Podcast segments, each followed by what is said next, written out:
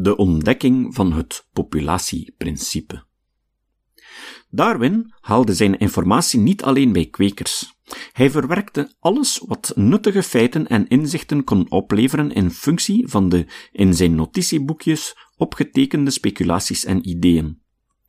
Een van de boeken die hij las, naast andere politieke, moraal-filosofische en economische werken, was een essay on the Principles of Population, 1998, van de econoom en demograaf Thomas Malthus, 1966 tot 1834.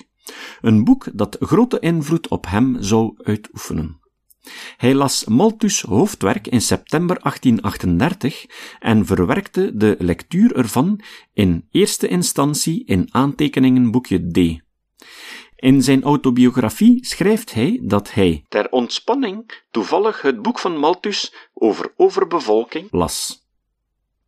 Pagina 116. Maar het is duidelijk dat de woorden ontspanning en toevallig met meer dan een korrel zout te nemen zijn.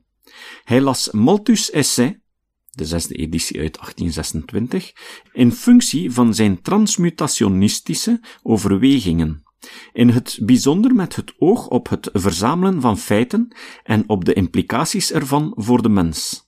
De lectuur van Malthus' boek is niet verwonderlijk. Verschillende hem bekende auteurs vermelden en bespraken het boek. Een aantal van zijn kennissen had Malthus persoonlijk gekend, waaronder de feministe en schrijfster Harriet Martineau, een vriendin van Darwins broer Erasmus. Bovendien was het populatieprincipe van Malthus ook bekend door de toenmalige socio-economische situatie. In Engeland woedde een hevige controverse over de nieuwe armenwet. Zie infra. Een nooit geziene economische depressie, die gepaard ging met opstanden en opruiende toespraken, flakkerde op in afgelegen delen van het land.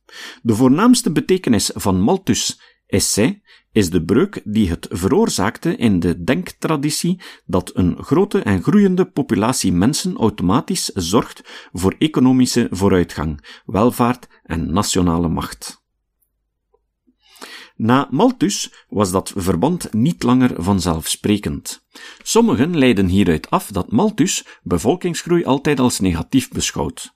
Dat klopt niet.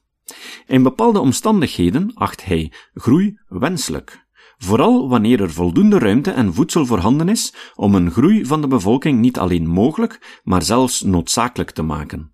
Er is immers meer arbeid nodig om het beschikbare land te bewerken en om de aanwezige grondstoffen om te zetten in voor de mens nuttige producten. Zijn werk toonde het zeer problematische karakter aan van de natuurtheologische opvattingen over bevolkingsgroei, beschikbare ruimte en bestaansmiddelen.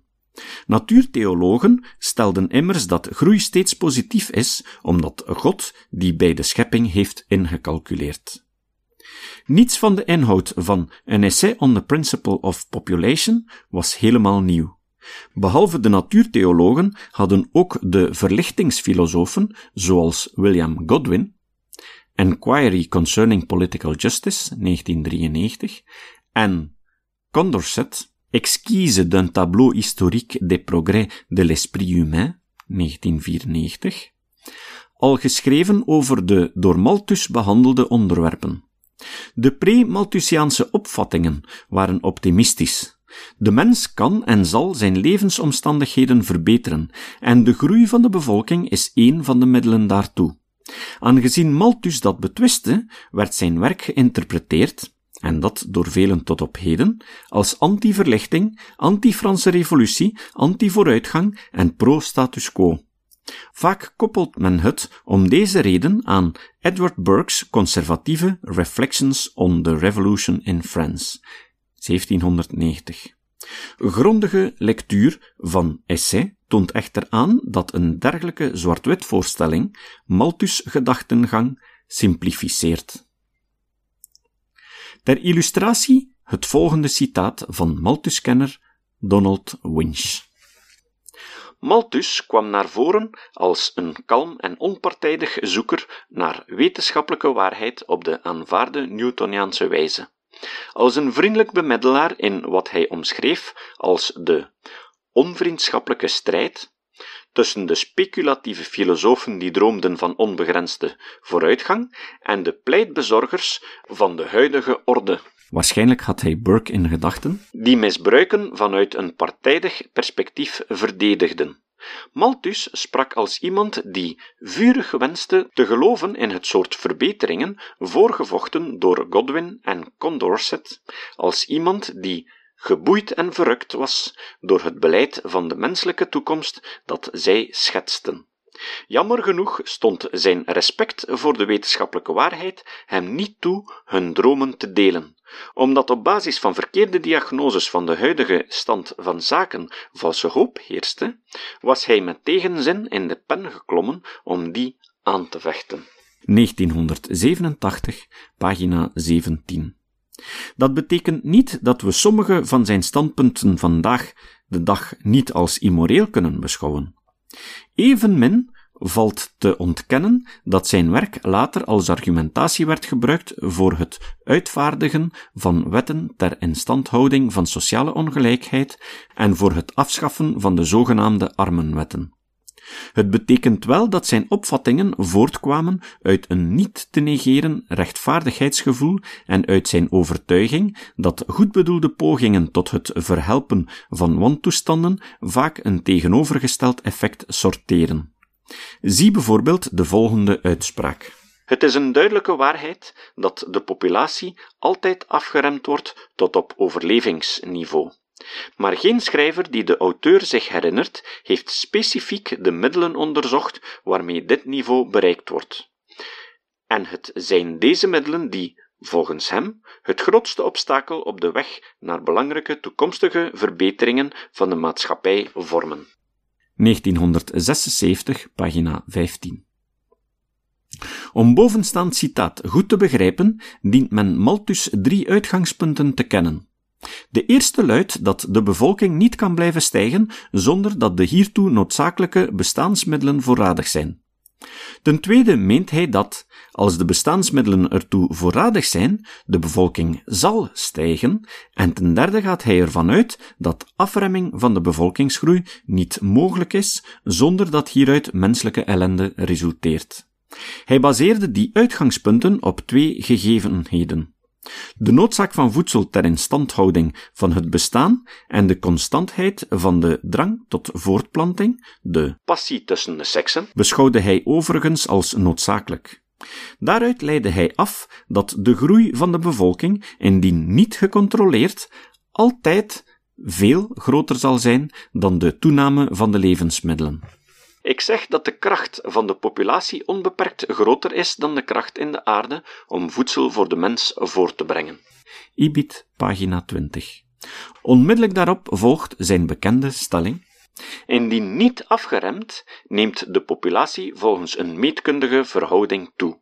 Voedsel neemt slechts volgens een rekenkundige verhouding toe. Enige vertrouwdheid met cijfers zal de immensheid van de eerste kracht in vergelijking tot de tweede aantonen. Volgens die wet van de natuur, die voedsel noodzakelijk maakt voor het leven van de mens, moeten de effecten van die twee ongelijke krachten gelijk worden gehouden. Dit impliceert een sterke en voortdurend werkzame afremming van de populatie door de moeilijkheid van het levensonderhoud. Die moeilijkheid moet zich ergens manifesteren en moet noodzakelijk door een groot deel van de mensheid zwaar gevoeld worden. Vooral degenen onderaan de sociale ladder ondervinden de grootste moeilijkheden. Er bestaan twee vormen van afremming. Ten eerste grotere sterftecijfers en lagere levensverwachting. Ten tweede vrijwillige beperking van voortplanting. Beide controlemechanismen brengen nadelen. Ellende en ontucht met zich mee. Onder andere oorlogen, ziekte en hongersnood zijn verbonden met het eerste afremmingsmechanisme abortus en kindermoord met het tweede. Het is belangrijk om in te zien dat Malthus zich niet in morele termen over de menselijke natuur en de maatschappij uitspreekt. Stel, schrijft hij, dat de mens een zuiver wezen is, dat nooit kwaad doet en in een egalitaire maatschappij leeft. Ook dan zullen problemen ontstaan wanneer het bevolkingsaantal stijgt. De snelheid van de bevolkingstoename doet op zich niet ter zake. Op lange termijn is de groei groter dan de groei van de bestaansmiddelen, zodat discrepantie tussen bevolking en voedsel onvermijdelijk is. Hij bedoelde niet dat er een intrinsiek einde aan de toename van het voedsel komt. Wel dat de kracht die de bevolking doet stijgen groter is dan de kracht die de hoeveelheid voedsel doet toenemen. Malthus breidde dit argument uit tot de hele aarde, waarmee hij wilde aantonen dat migratie uit overbevolkte gebieden op lange termijn geen oplossing biedt. Verder maakte hij een door Darwins gedachtengang cruciale vergelijking tussen mensen enerzijds en planten en dieren anderzijds. Hij wijst erop dat in de natuur planten en dieren veel meer nakomelingen produceren dan er kunnen overleven. Stel, schrijft hij, dat er onbeperkt voedsel en ruimte aanwezig is, dan zouden planten en dieren in de loop van een paar duizend jaar miljoenen werelden kunnen vullen. Die ruimte en dat voedsel zijn evenwel niet aanwezig, waardoor de toename noodzakelijk binnen bepaalde grenzen blijft. Hij voegt hieraan toe dat dezelfde onontkoombare logica opgaat voor de menselijke bevolkingstoename. Het terras der mensen kan er ongeacht de inspanningen van de rede niet aan ontsnappen. Bij planten en dieren zijn de effecten zaadverspilling, ziekte en vroegtijdige dood. Bij mensen ellende en ondeugd. 1976, pagina 20. De hierboven gegeven uiteenzetting bevat al de belangrijkste elementen die Darwin op het spoor van natuurlijke selectie zetten. Malthus kwam overigens zelf dicht in de buurt van Darwins belangrijkste evolutiemechanisme, zoals blijkt uit de volgende passage. Bij planten en dieren is het beeld van het onderwerp, namelijk de effecten van de afremming, eenvoudig. Ze worden alle voortgedreven door een krachtig instinct om hun soort te doen toenemen. En dat instinct wordt niet door redeneringen of twijfels over de zorg voor het nageslacht gestoord. Daarom worden waar vrijheid is, de macht van de toename uitgeoefend. En de overtollige effecten worden later ingetoomd door gebrek aan ruimte en voedsel, en door ten prooi te vallen aan anderen. Ibid, pagina 23. Vooraleer verder in te gaan op de vraag hoe Darwin Malthus essay met betrekking tot de natuurlijke selectie verwerkte, bespreek ik nog kort een aantal andere ideeën van Malthus. Zijn globale visie op de evolutie van de menselijke maatschappij was cyclisch. Perioden van welvaart maken het uitbetalen van hoge lonen mogelijk, waardoor mensen, in casu arbeiders, vroeg huwen. Dat brengt een snelle bevolkingstoename teweeg, wat leidt tot een wanverhouding tussen bevolking en bestaansmiddelen. Daardoor daalt de welvaart en dalen bij gevolg ook de lonen. Mensen gaan daarom nauwer huwen of stellen hun voortplanting uit. Hierdoor verkleint de kloof tussen bevolking en voedsel langzaam, wat opnieuw een periode van welvaart inleidt, enzovoort. Goedkope arbeid is in zijn visie functioneel in tijden van crisis, omdat hierdoor de productie van voedsel kan stijgen, wat het evenwicht tussen bevolking en voedsel herstelt. Donald Winch schrijft over Malthus' cyclische model. Het is meer een model van voortdurende schommeling dan een rechtlijnige vooruitgang. En hoewel de schommelingen langs een stijgende lijn kunnen verlopen, was er geen garantie dat dit het geval zou zijn. OC, pagina 21. Binnen elke cyclus komt volgens Malthus een periode van crisis voor, waarbij menselijke ellende, in het bijzonder voor de laagste sociaal-economische klasse, onvermijdelijk is. Dat andere schrijvers de cyclische beweging van de menselijke evolutie niet hebben ingezien, verklaart hij door twee factoren. Ten eerste zijn de cycli wellicht onregelmatig en bij gevolg onopvallend. Ten tweede concentreerde men zich op de hoogste sociale klassen, terwijl men de lagere klassen, die het sterkst de gevolgen van de cycli dragen, negeerde. Malthus' opvatting dat de leefsituatie van de arme lagen van de bevolking amper was onderzocht, was terecht. Hij ligt zelf, samen met enkele tijdgenoten, aan de basis van dergelijk onderzoek.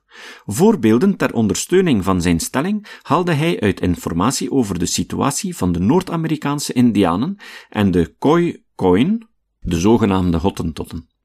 De feiten weerleggen volgens hem de idyllische opvattingen over de nobele wilde van onder andere de Franse verlichtingsfilosoof Jean-Jacques Rousseau. De werkelijke situatie van de wilden oogt volstrekt anders. Ongetwijfeld sprak ook deze opvatting van Malthus Darwin aan. In Vuurland had hij met eigen ogen gezien dat Malthus het bij het rechte eind had. In Europa was de bevolking, dankzij de ontwikkeling van de moderne 18e eeuwse landbouw en veeteelt gestegen, zij het volgens Malthus eerder traag. De bevolkingstoename en de welvaart van de hogere klassen interpreteerde hij evenwel niet als het bewijs dat de beschaafde landen aan het cyclische van de maatschappelijke evolutie waren ontsnapt. Hij wees op de grote kindersterfte en op de vertraagde of verstoorde lichamelijke ontwikkeling van kinderen in de lagere klassen. Ook verwees hij naar de groei van de grote steden, waar men niet naast de armoede kon kijken en die het hoogste kindersterftecijfer kenden. Het meest overtuigende bewijs dat ook in Engeland een discrepantie tussen bevolking en bestaansmiddelen bestond, zag hij in de toename van de uitgaven van de armen ter verbetering van hun situatie. Hij schreef Ten einde de veelvuldige noden van het gewone volk te verhelpen, werden de Engelse armenwetten aangenomen.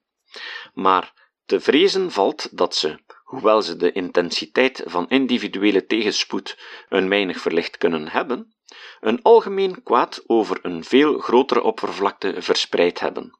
Het is een onderwerp dat vaak in conversaties aangehaald wordt en altijd vermeld wordt als een uiterst verrassende zaak dat, ondanks de enorme som die jaarlijks opgehaald wordt voor de armen van Engeland, er nog altijd zoveel ellende heerst onder hen. Sommigen menen dat het geld verdonkermaand wordt. Anderen dat de kerkvoogden en armenverzorgers het overgroot deel ervan uitgeven aan diners. Anderen zijn het erover eens dat het op een of andere manier zeer slecht georganiseerd moet zijn. OC, pagina 37. Dit soort opvattingen valt volgens Malthus echter buiten de kwestie. Stel, oppert hij, dat we alle armen genoeg geld schenken om voldoende voedsel te kunnen kopen. Zou dat iets aan de situatie verhelpen? Hij antwoordt de vraag negatief, aangezien er onvoldoende voedsel is, waardoor de prijs ervan zou stijgen. De armen zouden met andere woorden na korte tijd opnieuw in armoede leven, ook al geeft men ze meer geld. Men zou kunnen tegenwerpen dat ook de productie zal stijgen, zodat de schaarste wordt opgegeven, wat inderdaad ten dele het geval kan zijn, al dus Malthus. Maar wanneer de armen over meer financiële middelen beschikken, zullen ze meer kinderen verwekken, waardoor opnieuw schaarste ontstaat. Bovendien kan men verwachten dat de hoeveelheid geleverde arbeid daalt als we hun, door hun geld toe te stoppen, de indruk geven dat ze rijk zijn en dus niet meer hoeven te werken. Dat zou een sterke en onmiddellijke afremming van de productieve industrie veroorzaken en op korte tijd zou niet alleen de natie armer zijn, maar de lagere klassen zouden er zelf veel ellendiger aan toe zijn dan wanneer ze slechts 18 pence per dag ontvingen, in plaats van een hoger bedrag. OC, pagina 38. De toestand van individuen kan uiteraard sterk veranderen. Sommige rijken kunnen arm worden en omgekeerd. Maar een deel van de maatschappij ervaart noodzakelijkerwijs moeite om te overleven, en die moeite zal vanzelf haar minst fortuinlijke leden te beurt vallen. Ibid, pagina 37. De armenwetten, waardoor de armen geld krijgen zonder ervoor te moeten werken, maken de situatie op twee manieren erger. Voor eerst doen ze het bevolkingsaantal stijgen, zonder dat hieraan een voedseltoename gekoppeld is. Ze zorgen ervoor dat een arme kan trouwen en kinderen kan verwekken, zonder de noodzakelijke middelen te bezitten om een gezin te onderhouden. Zijn gezin is eveneens arm en moet bij gevolg ook een beroep doen op steun. Hierdoor moet de hoeveelheid financiële steun verdeeld worden over steeds meer mensen, waardoor het systeem zichzelf uitholt. Ten tweede zorgen de armenwetten er ook voor dat degenen die willen werken deze bereidheid opgeven, aangezien de armsten meer krijgen dan de minder behoeftigen. Zo ontstaat een neerwaartse spiraal. De werkwillige armen werken niet en worden daardoor nog afhankelijker. Als de rijken of de staat hen onderhouden, verwekken ze meer kinderen die eveneens in gebrek zullen leven, waardoor de financiële steun verdeeld moet worden over steeds meer mensen. Malthus besluit dat een arbeider die huwt zonder in staat te zijn een gezin te onderhouden, in sommige opzichten als een vijand van zijn medearbeiders beschouwd kan worden. Ibid, pagina 40. Niettemin schrijft hij dat al wat mensen verhindert te trouwen ongetwijfeld het menselijk geluk vermindert en daarom beter te vermijden is. Maar daar er door de wetten van de natuur een afremming van de populatie moet bestaan, is het beter haar af te remmen vanuit het besef van de moeilijkheden en de angst voor de armoede die een gezin wachten, dan haar te stimuleren, alleen om daarna onderdrukt te worden door gebrek en ziekte. Ibid, pagina 41. Malthus richtte zich hiermee niet alleen tegen het utopische van Condorcet en Godwin, maar ook tegen de optimistische stelling van de Engelse liberale filosoof Adam Smith dat de globale welvaart zal stijgen als de markt gedereguleerd wordt. An Inquiry into the Nature and Cause of the Wealth of Nations, 1776, zie infra. Hoewel Malthus, zoals steeds aangestipt, enerzijds inging tegen de klassieke natuurtheologie, poogde hij anderzijds zijn opvattingen ermee te verzoenen. De slothoofdstukken van An Essay on the Principle of Population trachten uit te leggen waarom, ondanks Gods almacht en welwillendheid, de bevolkingsdruk gedeeltelijk kwaden veroorzaakt. Als Newtoniaan veronderstelde hij dat de maatschappij, net als het fysische universum, gereguleerd wordt door wetten die door God geschapen zijn met het oog op het menselijke welzijn. Dit gegeven strookt met de visie van Depew en Weber 1995, dat Darwins werk te begrijpen is als de logische uitkomst van de Newtonisering van de biologie. Dat wil zeggen een biologie die steeds meer beroep poogde te doen op onpersoonlijke en mechanistische natuurwetten in plaats van op goddelijke interventies en doelmatigheden. Het maakt ook duidelijk dat Malthus' natuurtheologie sterk verschilt van de vroegere versies. Tussenkomst van God in de loop van de geschiedenis zou belemmerend werken voor de economische, industriële en andere activiteiten van de mens. Daarop schiep God wetten die zowel de natuur als de maatschappij organiseren. Dat heeft als voordeel dat elk individu verplicht is, of zou moeten zijn, om zelf door arbeid en door het gebruik van de reden voor de welvaart van zichzelf en zijn gezin of familie te zorgen. Het nadeel is dat er steeds ellende zal bestaan, aangezien er altijd variatie opduikt in de menselijke conditie. Globaal zorgen deze verschillen echter, door de werking van Gods natuurwetten, voor de welvaart van het geheel. Het is volgens Malthus onze plicht manieren te zoeken ter vermindering van ellende en armoede, maar dit zonder het globale systeem hierdoor te verzwakken. De armenwetten en het navolgen van de opvattingen van filosofen als Condorcet en Godwin, hoe edel ook de motivatie, acht hij niet de juiste manier. Het ultieme effect ervan is immers grotere armoede en de verzwakking van de hele maatschappij. Zelf vond hij zijn boek dan ook helemaal niet pessimistisch. De ontdekking van het populatieprincipe, de snellere stijging van de bevolking dan van het voedsel, kon in tegendeel zorgen voor de realisatie van Gods intentie, namelijk het verwerven van geluk door zoveel mogelijk mensen. Donald Winch levert hierop het volgende terechte commentaar. Paradoxaal genoeg zorgen Malthus' theologische engagementen voor een theologie van de vooruitgang die functioneert als het religieuze equivalent van het seculiere vervolmakingsdenken dat zijn essay net wilde ondermijnen. OC, pagina 35. Darwins verwerking van Malthus' essay is complex. In de aantekeningenboekjes beschrijft hij de ontwikkeling van de gedachtegang die uiteindelijk leidde tot het principe van de natuurlijke selectie dat hij vervolgens uiteenzette in de SS uit 1842 en 1844 en later in Over het ontstaan der soorten. De notitieboekjes bevatten tegenstrijdigheden, wat uiteraard niet verwonderlijk is, aangezien ze de meest intense periode uit Darwins intellectuele ontwikkeling weerspiegelen. Hij nam hypothesen aan, zocht materiaal ter ondersteuning, verwierp ze weer, construeerde andere enzovoort. Een van de problemen bij de interpretatie van de aantekeningen is dat, naarmate zijn overtuiging van de juistheid van een veronderstelling groeide, die minder en minder besproken werd, maar wel een grote invloed uitoefende op de andere gedachten die hij neerschreef.